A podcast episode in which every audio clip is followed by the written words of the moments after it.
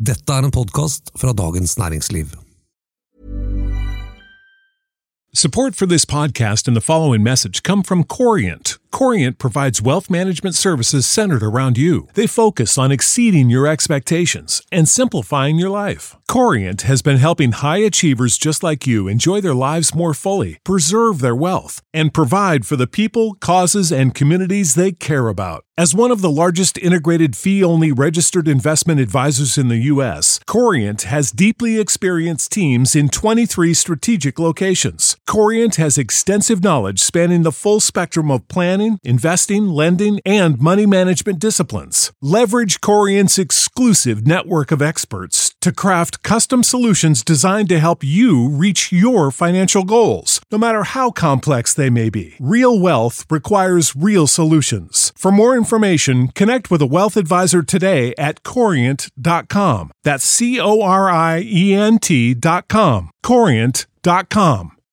When you need mealtime inspiration, it's worth shopping Kroger, where you'll find over 30,000 mouthwatering choices that excite your inner foodie. And no matter what tasty choice you make, you'll enjoy our everyday low prices, plus extra ways to save, like digital coupons worth over $600 each week. You can also save up to $1 off per gallon at the pump with fuel points. More savings and more inspiring flavors make shopping Kroger worth it every time. Kroger, fresh for everyone. Fuel restrictions apply.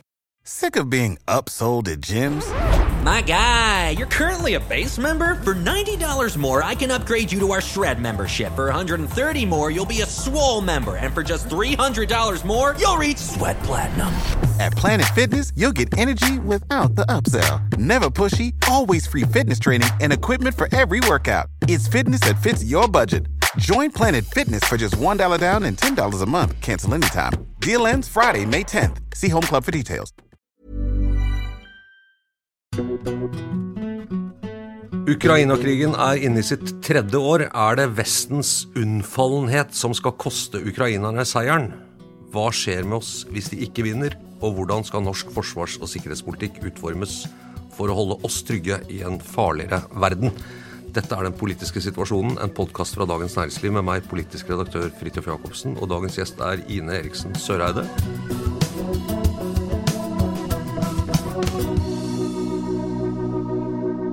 Hei. Nå kommer lista stortingsrepresentant for Høyre, leder for utenriks- og forsvarskomiteen, tidligere forsvarsminister og utenriksminister. Ja, Velkommen. tusen takk. Eller jeg vil si velkommen til deg. Ja, for vi er på ditt kontor. Nettopp. Er. Kan Ukraina vinne krigen mot Russland? Ja, det mener jeg jo eh, at de kan, men det betinger jo at Vesten stiller opp med både militær og politisk og økonomisk støtte. Eh, Og så må ukrainerne være de som definerer hva en seier ser ut som. Eh, Og alle type kriger ender jo på et eller annet nivå ved et forhandlingsbord. Eh, Men hva den forhandlinga skal bestå i, og hva som er sluttresultatet, er det jo ukrainerne som må definere. Og det er klart, sånn som, sånn som situasjonen er nå, så er det jo liten interesse for forhandlinger, også fordi at Ukraina akkurat nå er i en militært vanskelig situasjon og ønsker jo naturlig nok ikke å forhandle ut fra den posisjonen. Og Russland er jo akkurat nå føler seg nok eh, noe mer vellykka på, på bakken, eh, og har jo sånn sett tida på sin side. Så dette er en veldig vanskelig situasjon. Dette med forhandlingsbord det er jo noe som blir gjentatt, at alle kriger gjør det. Men er det egentlig sant? Noen kriger ender jo med at man bare forlater landet, f.eks. Eh, Afghanistan.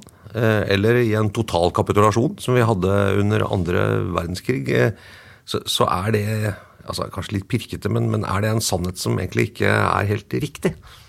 Man må huske på at Bakgrunnen for eh, nedtrekket og etter hvert uttrekket fra Afghanistan var jo en avtale som ble gjort i Doha.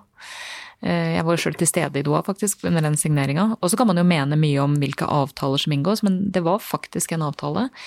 Um, Og så er det jo noen kriger som også ender, som du sier, ved at man trekker seg ut av landet. Det er jo en opsjon russerne i aller høyeste grad har. Um, De kan jo trekke seg ut så slutte krigen. Uh, Og det vil jo definitivt være det man bør søke å få til. Eh, en seier for Ukraina, eh, hvordan kan det se ut? Eh, hvis man skulle bare spekulert litt i hva som kunne vært oppfattet som en slags seier for Ukraina? Jeg mener det er veldig vanskelig å skulle spekulere i det, rett og slett fordi at det må være Ukraina som gjør de vurderingene. Men eh, man må jo huske på at hvis vi skal være helt presise, så starta jo ikke denne krigen eh, for to år siden. Den starta jo faktisk for ti år siden. Og alt som har skjedd siden det, eh, har jo for så vidt vært med på å befeste den situasjonen som er i dag. Eh, og det er jo fra norsk side, og egentlig fra alle europeiske lands side, så har jo poenget hele veien vært å understreke at man må ha respekt for Ukrainas suverenitet og territorielle integritet. Eh, og det er jo noe Russland overhodet ikke respekterer. Altså de, de, tar jo for seg landområder, endrer grenser med makt og har jo nå kontroll over rundt regna 20% av Ukraina. Og det har jo stått relativt stille eh, ganske lenge. Eh, og det er etter min oppfatning veldig vanskelig at vi i våre land nå skulle sitte og f.eks. tegne skisser eller diktere hvordan en løsning skal se ut, som da ikke ivaretar Ukrainas eh, territorielle integritet og suverenitet. Ja, og det, det, forstår jeg, og det er jo rimelig, men samtidig så omtales jo uh, Ukraina-krigen som sier at hvis Ukraina taper krigen, så vil det også ha uh, konsekvenser for vår sikkerhet, altså Europas sikkerhet, eller Nato-lands sikkerhet, kanskje Europa først og fremst, men, men kanskje også hele verden. Og da betyr det jo at man i det perspektivet må ha gjort seg noen tanker om hva i hvert fall som er et tap. Er det et tap hvis dagens en måte frontlinjer blir stående, eller er det hvis hele Ukraina faller? Altså, fordi at Et eller annet sted må man ha gjort en vurdering av hva er det tapet, hvis du skjønner? Ja, og Det er jo et veldig viktig spørsmål, men jeg, jeg, tror ikke det er noen som i dag sitter med svaret. For det er jo en dynamisk situasjon også. Jeg la merke til på München-konferansen under visepresident Kamala Harris' sin tale at um, amerikanerne nå veldig tydelig vektla at Kiev aldri hadde falt. Og det er jo for så vidt også en, en viss dreining i den amerikanske eh, retorikken. Hva som ligger bak det, eh, det er selvfølgelig umulig å si. Men jeg har i hvert fall aldri hørt amerikanerne så tydelig snakke om det før, som et perspektiv i dette.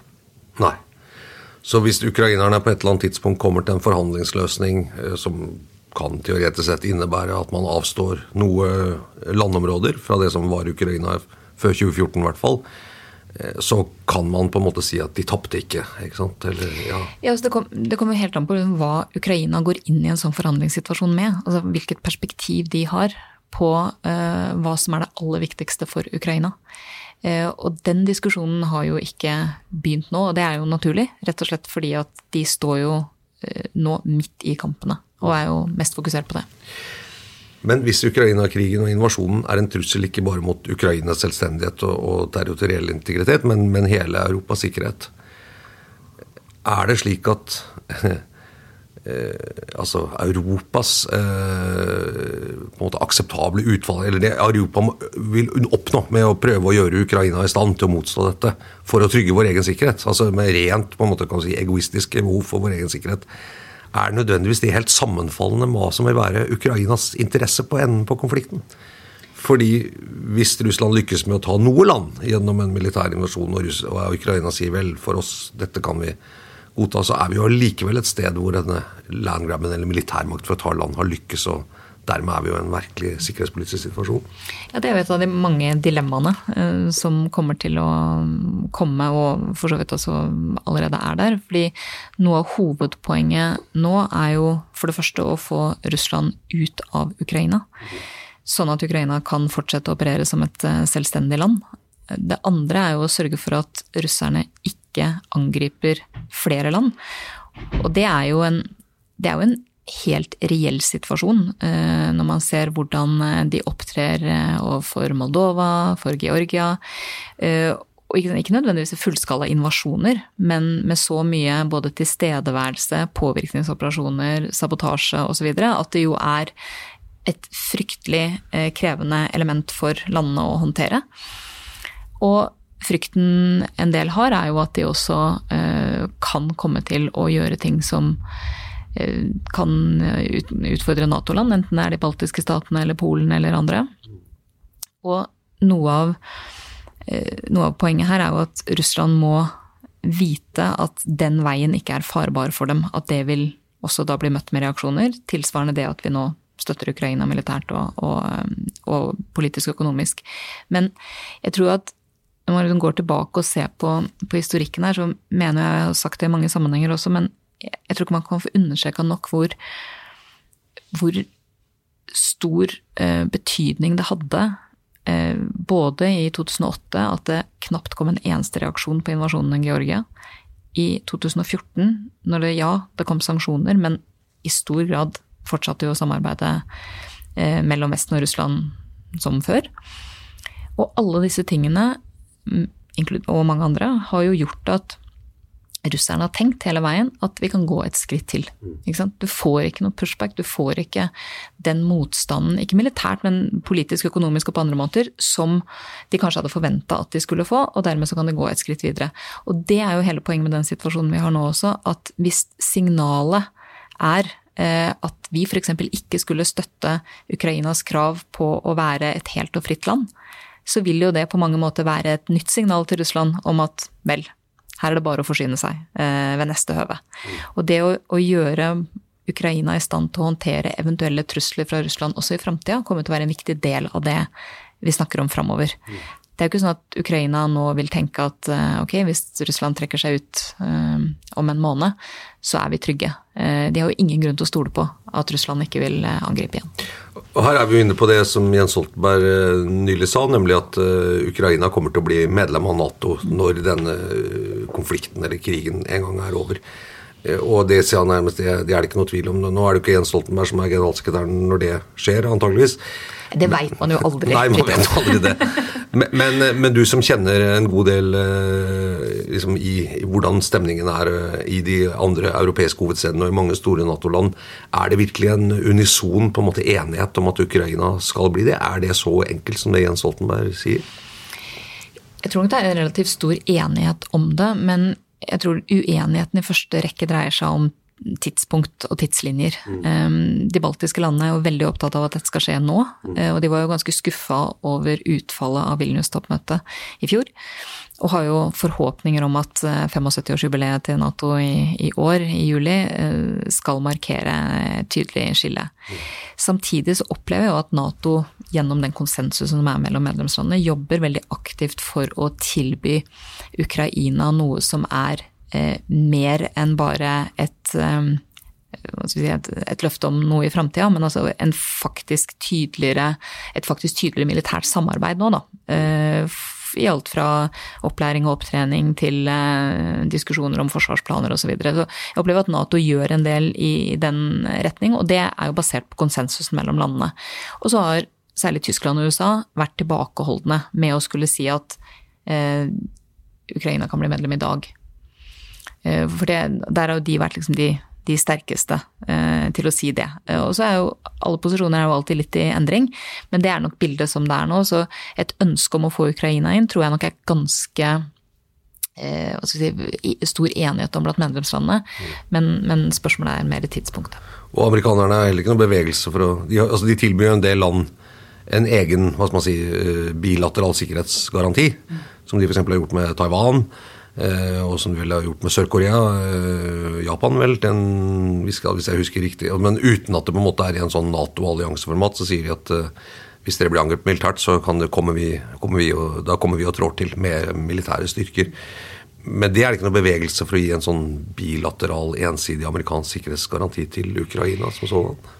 Nei, og jeg tror nok det er, i hvert fall sånn som landskapet ligger nå, så er det jo mange paradokser i den diskusjonen. Jeg var nettopp i USA sammen med nordiske og baltiske kollegaer eh, i forkant av det å eller i hvert fall en slags forhåpning om at USA skal utløse denne støttepakka i Kongressen. Og det foreløpig er det jo helt uvisst eh, når det skjer og om det skjer.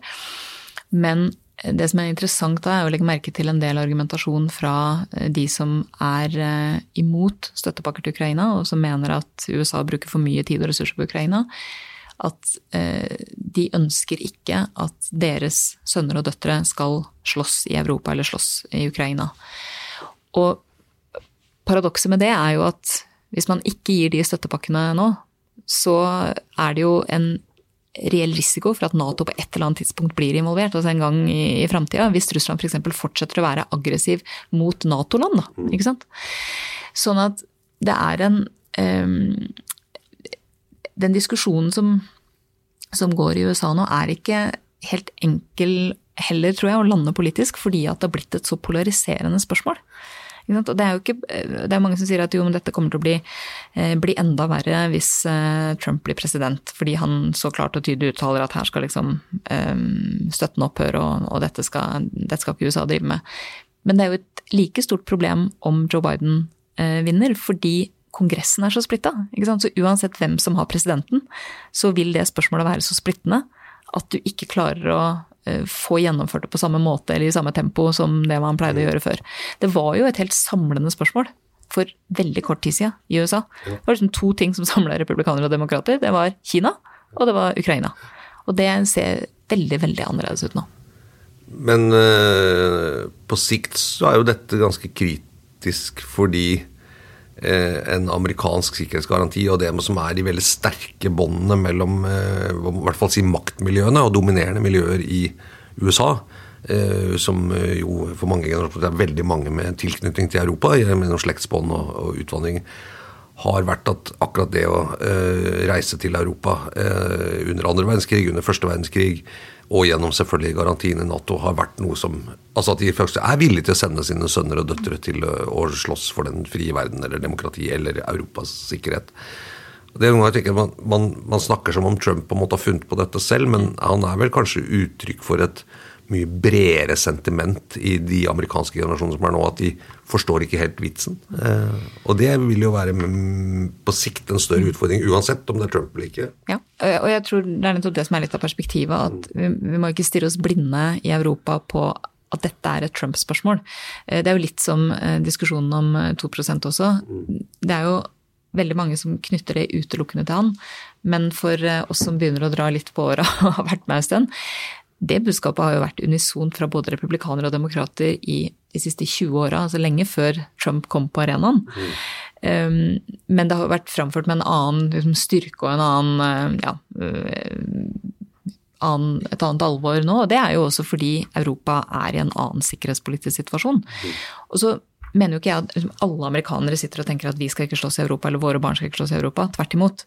Eh, og oppslutninga om Nato f.eks. er jo skyhøy i USA. Mm. Eh, også blant politikere, også blant republikanere. Så jeg tenker at det er greit å liksom ha det som et sånn eh, et grunnlag.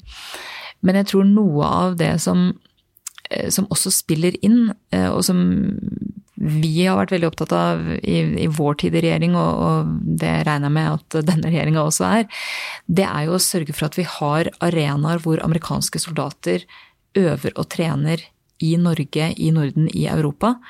Fordi nå er det en generasjon amerikanske offiserer som først og fremst har stillehavserfaring, og ikke har den transatlantiske erfaringa.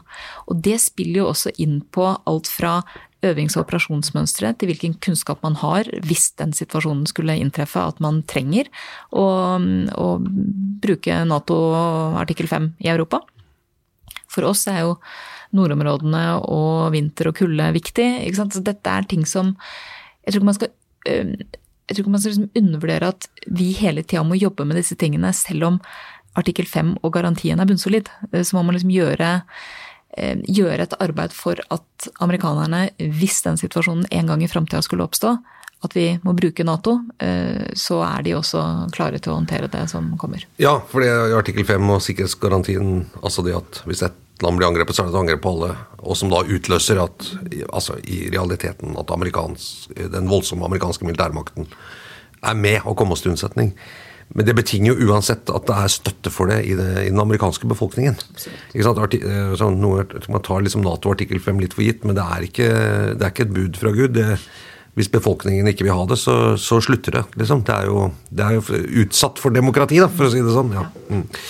Du, vi må litt tilbake til Ukraina-krigen. Bare Hvilken fase er denne krigen inne i nå? Dette er ikke så lett å forstå. for alltid føler at beskrivelsen av liksom hvordan krigen går, det er alltid en slags politisk budskap på toppen. Litt avhengig av hva man ønsker å få fram. Men, men hvor står krigen nå? Den står jo egentlig fast eh, ved den frontlinja som har stått fast for ganske lenge. Mm. Um, og det er jo en utmattelseskrig uh, som Russland fører, og de har jo en evne nå til å produsere nytt materiell, ammunisjon, mens ukrainerne må rasjonere det de har. Um, jeg spurte jo forsvarsministeren i spørretimen i dag om dette tsjekkiske initiativet, som du sikkert har sett, hvor uh, den tsjekkiske presidenten, som jo har lang fartstid i Nato, sier at kan skaffe ca. 800 000 artillerigranater, uh, forutsatt finansiering. Uh, og Norge har jo av en eller annen grunn måtte ikke reist opp hånda og sagt at her skal vi være med. Det er nå i løpet av de møtene som har vært i Paris denne uka, ca. 15 land som har sagt fra at dette vil vi være med på. Eh, Danmark har sagt de vil kjøpe 15 000. Eh, Nederland har eh, tilbudt 100 millioner euro inn i dette. Det er noe som kan utløses ganske raskt, ikke sant? og som ukrainerne da trenger. Men liksom, hvor krigen står nå, er nettopp den utmattelsen hvor, hvor, Russland da også på sett og vis har det industrielle overtaket, ikke sant? fordi de klarer å reprodusere ammunisjon og, og våpen. Jeg da fullskalainvasjonen skjedde, så eh, var jeg også ganske bekymra for at vi kom til å se noe av det samme mønsteret som vi så etter anneksjonen av Krim. Og det er jo egentlig akkurat der vi er. At det som eh, nå etter fullskalainvasjonen begynte som et angrep på veldig mange ulike steder i eh, Ukraina, selvfølgelig med formål å ta Kiev, det var jo det viktigste målet de første dagene og ukene, så flytter jo frontlinjene og liksom mesteparten av krigen seg til sør og øst. Og der har den jo egentlig vært siden 2014. Mm. Og det betyr jo også at det er um, Den fryser jo da fortere fast, men den er jo på ingen måte frossen. Den er i aller høyeste grad aktiv. Det drepes jo fryktelig mange mennesker. Både sivile og soldater. Det er enorme ødeleggelser. Og vi var i Kiev med komiteen nå for bare tre-fire uker siden. Eh, og det er, det er påfallende å se hvordan de, sant, de forsøker å få dagliglivet på et eller annet vis til å fungere. Samtidig som det da går flyalarmer, kommer droner, eh, missiler. Mennesker drepes eh, både nær byer, men, men særlig da der frontlinjene nå går. Mm. Og det tror jeg dessverre kommer til å være bildet framover også. Et inntrykk som har festet seg, er at eh, som du sier, at uh, Russland har et industrielt overtak. Altså De er flere mennesker, de har flere ressurser, menneskelige ressurser, og også flere militære ressurser, og, og produserer raskere. Og får også hjelp fra Nord-Korea, uh, delvis også fra Kina og Iran. Og Iran. Uh, og dermed så har man kommet på andre siden at vi, vi støtter Ukraina, men vi støtter ikke nok. Eh, vi gir ikke nok. Eh, vi gir ikke de riktige våpnene. Vi må gi dem mer, og vi må gi dem mer avanserte våpen. Og i forlengelsen av det, hvis de bukker under for dette, så er det på en måte vi som har sviktet. Er, er det der vi står nå? Det er ingen tvil om at vi må gi Ukraina mer våpen og raskere. Eh, og særlig ammunisjon og luftvern er jo de to tingene som kanskje haster aller mest. Og så vil det jo alltid være en diskusjon om måte, nye våpentyper, eh, som vi hadde da eh, vi og andre beslutta å sende stridsvogner, som vi hadde da vi og andre beslutta å sende F-16-fly. Det jeg tror man undervurderer med akkurat de kapasitetene, og særlig kampfly, er jo at det er en veldig eh, Det er ganske krevende å få et sånt system opp å stå, og det krever en logistikkunderstøttelse som er nokså enorm for at de flyene skal være på vingene mer enn én gang. Um, og, og, det tar tid. Eh, det koster penger, og, og, ikke minst så koster det jo personell og kompetanse for å få lært de opp. Det har jo et litt mer langsiktig mål også, uh, for at Ukraina skal kunne beskytte seg også etter at krigen er over. Um, så det, det, er en viktig side av det. Det vi er nødt til å innse, er at Russland kommer til å ha det industrielle overtaket med mindre vi på europeisk side gjør noe som virkelig monner, f.eks. knyttet til produksjonskapasitet. Eh, og vi har vært veldig kritiske til at regjeringa har venta for lenge med å forsøke å øke produksjonskapasiteten, og det kommer jo enda til å ta veldig lang tid før den er større. Mm. Eh, fordi det tar tid å kjøpe og installere maskiner, og ordrebøkene er stappfulle. ikke sant? Og det er ikke bare Ukraina som skal ha ammunisjon, det er jo også etterfylling av vårt eget forsvar og andre Nato-land. Og jeg syns det er interessant det som skjedde i EU i dag, hvor Ursula von der Leyen var ute og sa at EU vil ha dobla sin produksjonskapasitet på ammunisjon i slutten av 2025. Og det er, det er ganske stort løft. Mm. Men det trengs jo også. Vi har fire ammunisjonsprodusenter i Europa. Og de er jo ikke i stand til å nå liksom, målene om hvor mye som skal produseres for å kunne støtte Ukraina og støtte oss. Nei, og Hvis det skulle bli en europeisk konflikt, så ville dette vært sårbart, selvfølgelig. ja. Eh, Frankrikes president Macron sa jo også nå nylig at eh, vi kan ikke utelukke at europeiske soldater kan settes inn eh, på Ukrains side, altså i selve konflikten. Er det egentlig aktuelt? Nei, det anser jeg ikke som aktuelt. Hvorfor sier han det da? Det må du jo nesten spørre han om. Nei, jeg opplever at det ikke har blitt tatt opp av så veldig mange, annet enn han og Slovakias president var vel ute og sa noe av det samme.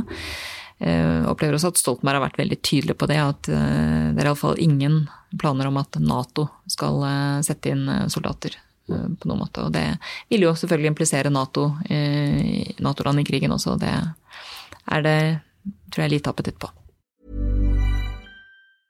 Hey, I'm Ryan Reynolds. Recently, I asked Mint Mobile's legal team if big wireless companies are allowed to raise prices due to inflation. They said yes. And then when I asked if raising prices technically violates those onerous two-year contracts, they said, "What the f*** are you talking about? You insane Hollywood ass." So to recap, we're cutting the price of Mint Unlimited from $30 a month to just $15 a month. Give it a try at mintmobile.com slash switch. $45 up front for three months plus taxes and fees. Promoting for new customers for limited time. Unlimited more than 40 gigabytes per month. Slows. Full terms at mintmobile.com.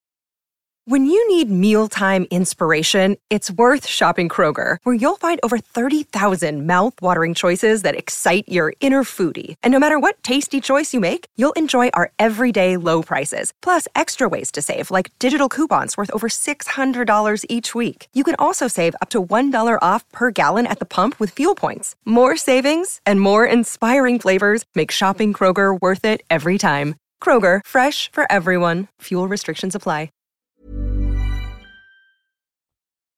På meg så virker det av og til som om sant, det uttalte politiske ønsket om å støtte Ukraina. Eh, og det er også gjort mye, altså. Eh, men, eh, men, det er ikke sikkert det er nok. Eh, så det hjelper på en måte ikke å, å, skryte av det man har gjort, hvis det ikke det er nok. Men at det også er en del sånn selvpålagte begrensninger i denne støtten. Jeg, jeg, sliter litt med å forstå det at hvis, hvis Ukraina-krigen er det eksistensielle spørsmålet for Europas sikkerhet som det blir fremstilt som, Hvorfor da disse selvpålagte begrensningene, og hvorfor denne forsiktigheten, eh, som kanskje da ytterste konsekvens skal lede til at vi ga for lite, og vi ga det for sent. Eh, og dermed så ble det utfallet det som kan true vår sikkerhet. Jeg, jeg sliter litt med å forstå den politiske dynamikken der. Mm. Det kommer litt an på hvordan du ser det. fordi På den ene sida kan du jo si at uh, noe er jo helt reelle praktiske begrensninger. altså eh, Veldig mange land har donert så å si alt de har. Mm. De har ikke mer å donere. Fordi at lagrene er bygd ned etter slutten av den kalde krigen i de aller fleste europeiske land. Eh, og kombinert da med manglende produksjonskapasitet, som jo har sant, I veldig mange år nå så har den vært på et slags fredstidsnivå, mm. og så tar det fryktelig lang tid å skru den opp til eh, en krigssituasjon. Mm. Mens man burde jo egentlig tenke motsatt, at den burde normalt være i et eh, krigsmodus, og så får man heller skru av maskinen innimellom hvis det, hvis det er rolig og fredelig. Mm. Men, men liksom, det tar jo år å snu, så det er jo ikke noe som liksom løser det umiddelbare nå.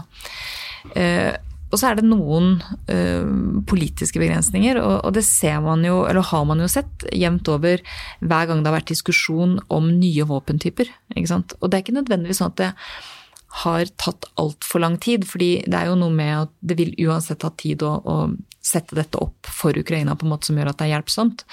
Men jeg tror nok at de diskusjonene i seg sjøl ofte gir eh, ammunisjon, for å bruke det ordet, til Russlands tanke om at eh, Europa liksom ikke klarer å samle seg rundt det, og at Vesten ikke klarer å samle seg rundt det. Mm.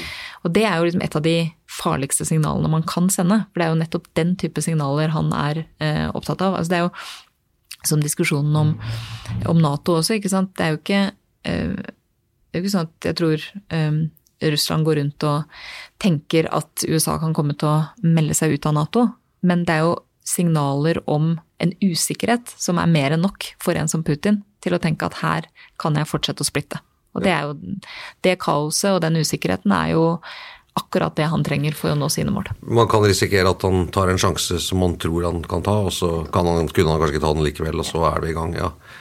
Eh, dette, vi spiller litt på det Trump sa, at for de som ikke betaler det de skal, så får de ikke min garanti. Nå betaler vel de baltiske statene det de skal, det er jo Polen så, som er nærmest der. Så, sånn sett så, så, er det vel liksom Det er de, som, de lengst unna Russland. som eh, kanskje betaler minst, med et unntak som vi skal komme tilbake til. Eh, for da er vi over på det med det norske forsvaret. Eh, og hvorfor klarer ikke Norge å nå dette 2 %-målet i forsvarsbudsjettene? Vi har jo nådd det. Eh, Vi nådde det jo i vår tid, eh, i regjering. En gang. Ja, men det var jo en gradvis oppbygging, og det var jo faktisk et stort, altså store beløp som ble lagt inn i forsvarsbudsjettet hvert år. Og det var jo fordi vår vurdering da vi overtok regjering i 2013, var jo at det var så store oppgaver som måtte løses. Altså man måtte bygge opp grunnmuren i Forsvaret, få det vi har til å virke. Og så bygge på med kapasiteter som kampfly, ubåter, overvåkningsfly eh, osv. Og så er jo ikke det en jobb som på en måte blir ferdig, og så har den sikkerhetspolitiske situasjonen bare blitt enda verre i mellomtida. Og, og derfor så er det jo veldig eh, behov for at vi ikke bare snakker om 2 %-målet, men faktisk også snakker om hva vi skal bruke de pengene til, som er fornuftig og nyttig for, for Forsvaret. Og jeg må jo si at når vi er der vi er nå, med en forventa langtidsplan fra, fra regjeringa i april, som i hvert fall statsministeren sier, så er jo en av mine bekymringer at vi skal bli så fokusert på det korte perspektivet i den langtidsplanen at vi glemmer at de beslutningene vi tar i den planen, også skal finansieres og ressurssettes og ha personell til de neste 30-40 åra. Altså når vi får ubåtene våre nå på slutten av 2020-tallet, så skal de være i strukturen til 2070. Da tror jeg ikke du og jeg har podkast, men Nei, det kan jo hende. kan hende. vet Vi er på. Nasjonalbiblioteket, da. Ja. Ja, absolutt. Men, men det forteller noe liksom tidsperspektiv her. Og det å skjønne at de forpliktelsene vi må inngå, de pengene vi må bruke mer av på Forsvaret, det holder ikke å bruke dem i fem år. Ja, Her er vi inne ved noe som jeg syns er rart i denne debatten. Fordi eh, jeg, kan på en måte forstå prosentmålet eh, i Nato. Altså vi sier må bruke en god del av ditt bruttonasjonalprodukt på forsvar. Da er et prosentmål en grei sånn guideline. Eh, men for en norsk økonomi som Norge, som har et så enormt stort BNP rett og slett pga. olje og gass, det, det, er, ikke, det, er, det er en annen økonomi. Eh, og så er vi ganske få mennesker. Eh, så vi er bare litt over fem millioner. Eh, For meg så, så blir den kombinasjonen eh, sikkert preget av at jeg jobber i Dagens Næringsliv. Men altså, hvis, hvis målet blir bare å bruke penger hvis, hvis vi bruker masse penger, så blir USA fornøyd. Eller Nato fornøyd. Eh, Men det høres ut som en oppskrift liksom, på å gjøre alt som er feil. Eh, For vi ser ikke på liksom, hva vi faktisk gjør. Vi ser på er vi sikre på at vi har brukt nok penger.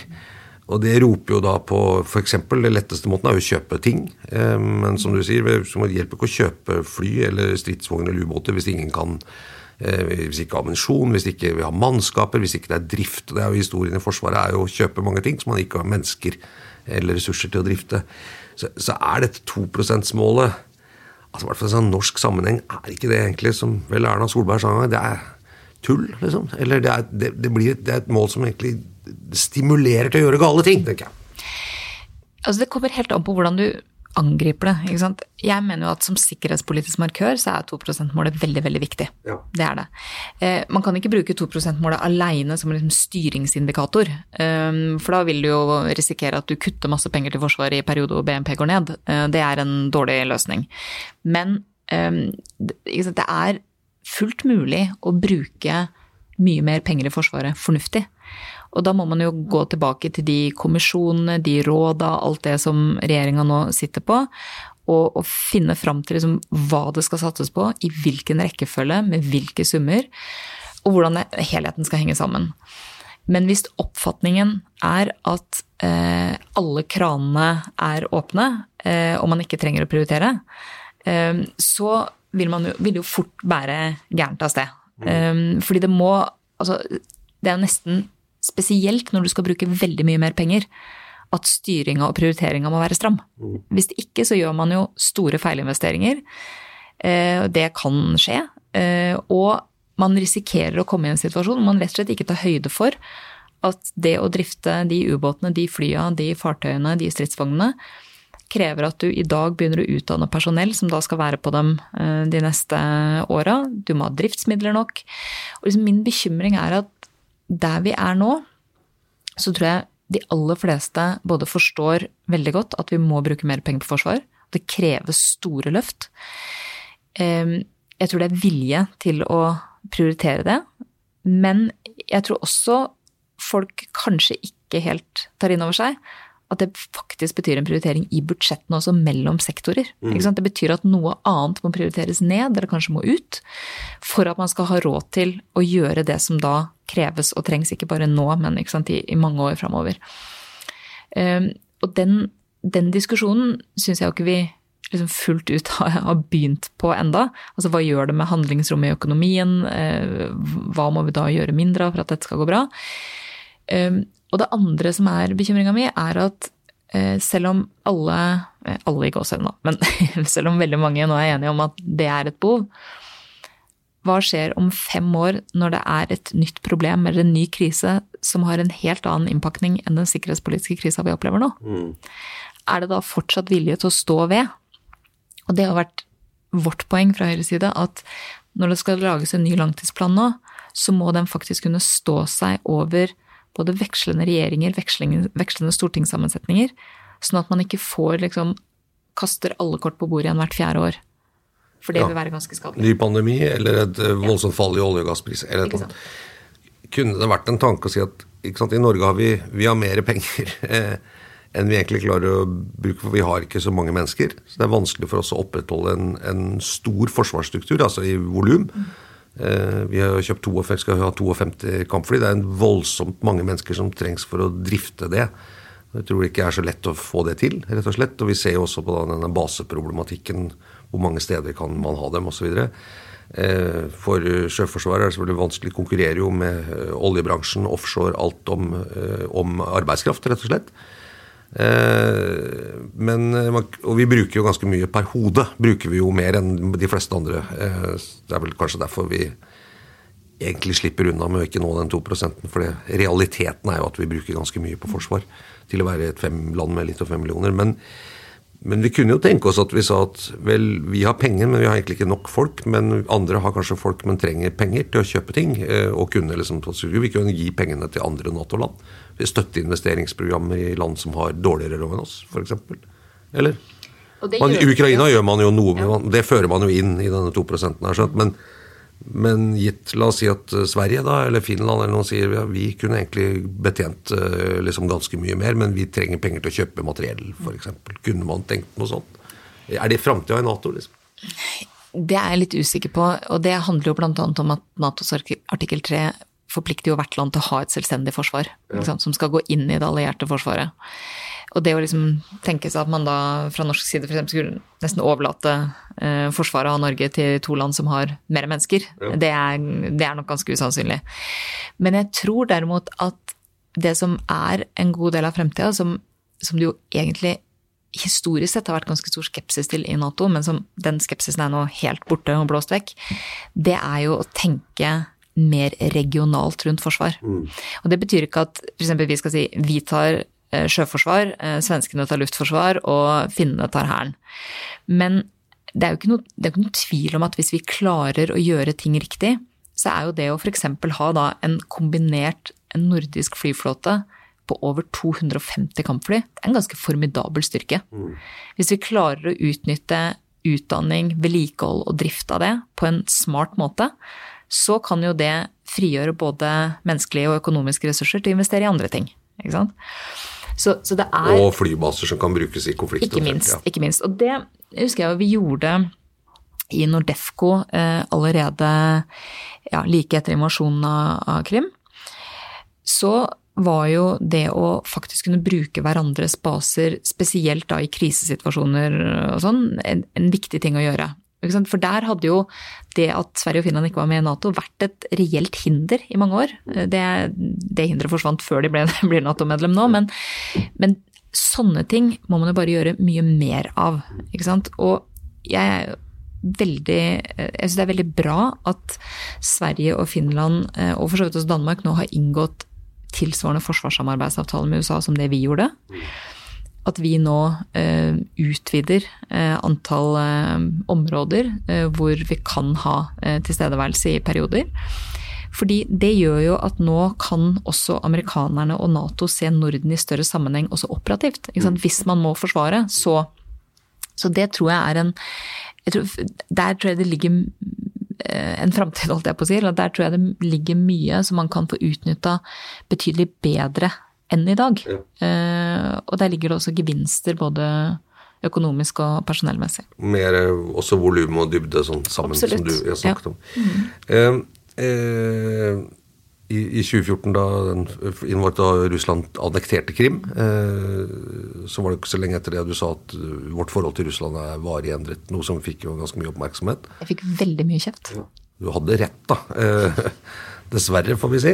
Eh, men eh, og, og du var jo også forsvarsminister i lang periode. Så utenriksminister. Eh, satt i en regjering som, som var i åtte år. Og var på en måte klar over trusselen som Russland representerte. Men som du sier, forsvarsinvesteringer er veldig lange prosesser. Er Lang tid fra investeringen skjer til evnen er i gang, og det virker. Naturlig nok. Eh, Både skal materiellet bygges, og man skal trenes osv. Men det forsvaret eh, som dere etterlot dere da, til eh, Støres regjering, er jo på en måte et slags produkt av de åtte årene som dere satt. Var det egentlig bra og sterkt nok, gitt den trusselsituasjonen vi var i, syns du? Vi økte jo forsvars-.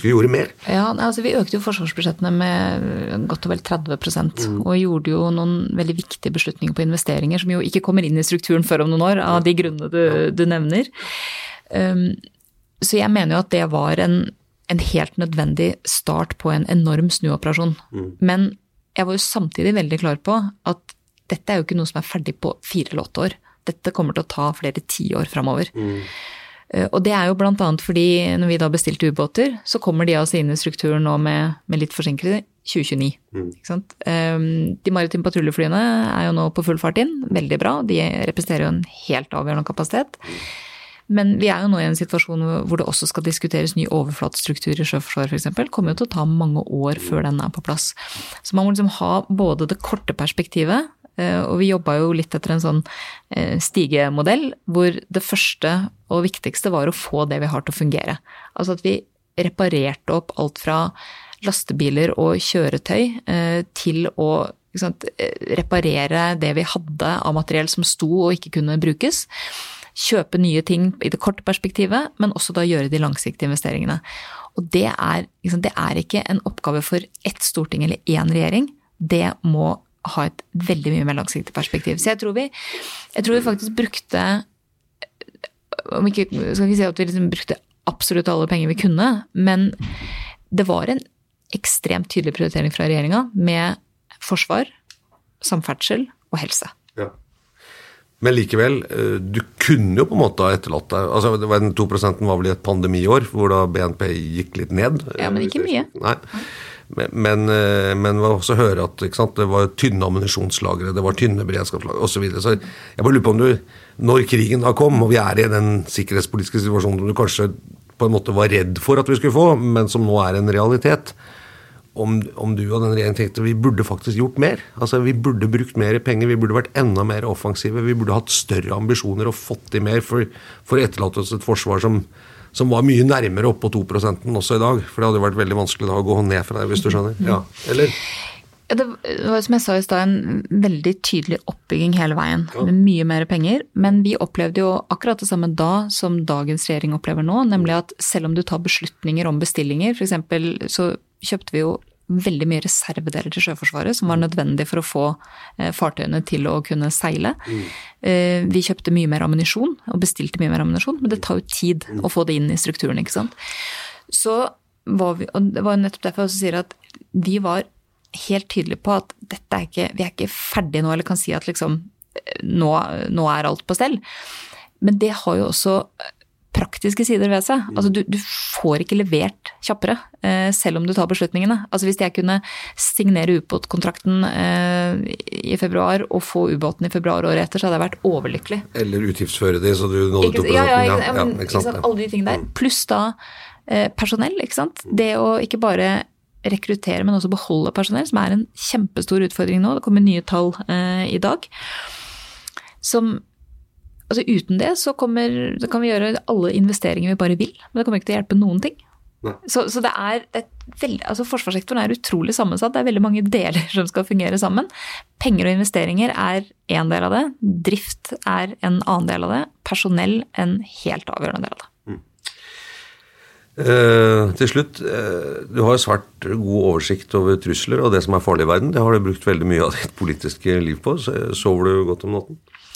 Ja, stort sett så gjør jeg det. Um, men jeg må jo innrømme at den, den situasjonen vi står i nå, uh, gjør meg veldig mye mer uh, bekymra enn jeg var uh, også for ti år siden.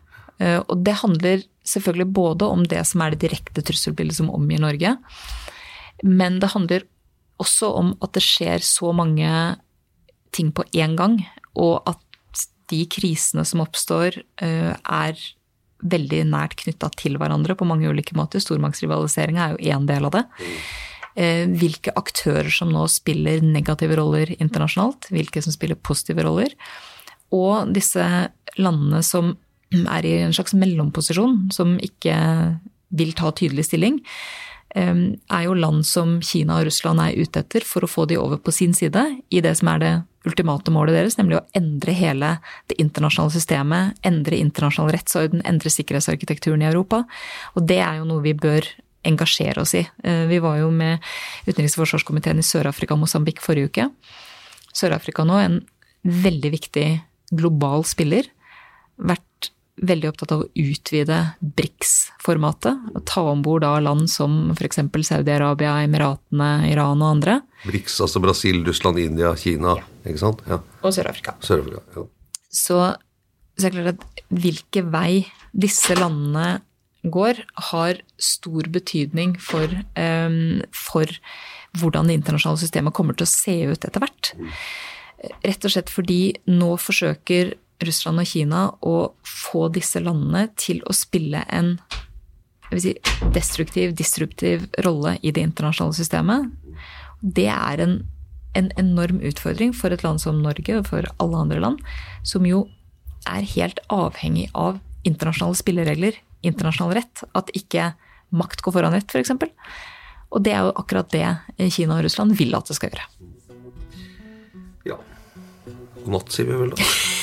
Gjør vel det. Tusen takk, eh, Ine Eriksen Søreide, for at du var med i den eh, politiske situasjonen eh, denne uka. En podkast fra Dagens Næringsliv. Jeg heter Fridtjof Jacobsen, er politisk redaktør i DN. Produsent er Gunnar Bløndal, og vi høres igjen neste uke.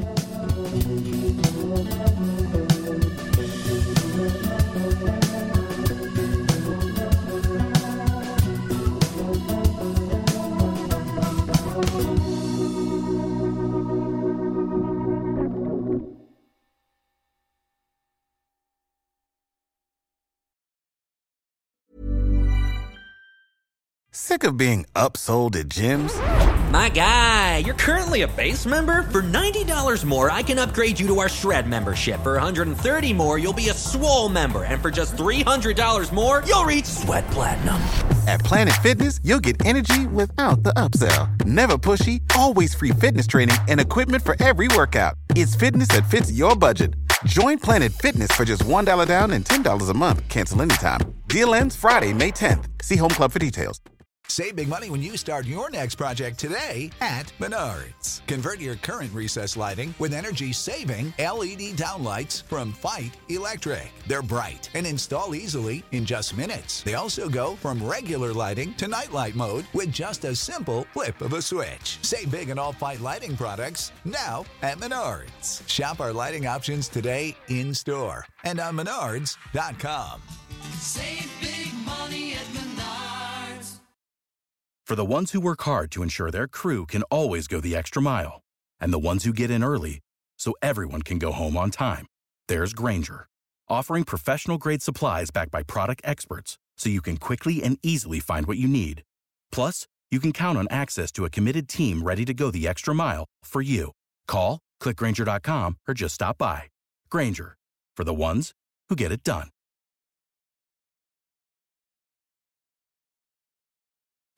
Protect your dream home with American Family Insurance. And you can weather any storm. You'll also save up to 25% by bundling home, auto, and life. American Family Insurance. Get a quote. Find an agent at amfam.com. Products not available in every state. Discounts may not apply to all coverages on an auto or home policy. Discounts do not apply to life insurance policies. Visit amfam.com to learn how discounts may apply to you. American Family Mutual Insurance Company SI and its operating companies American Family Life Insurance Company 6000 American Parkway, Madison, Wisconsin. Du har nå hørt en podkast fra Dagens Næringsliv.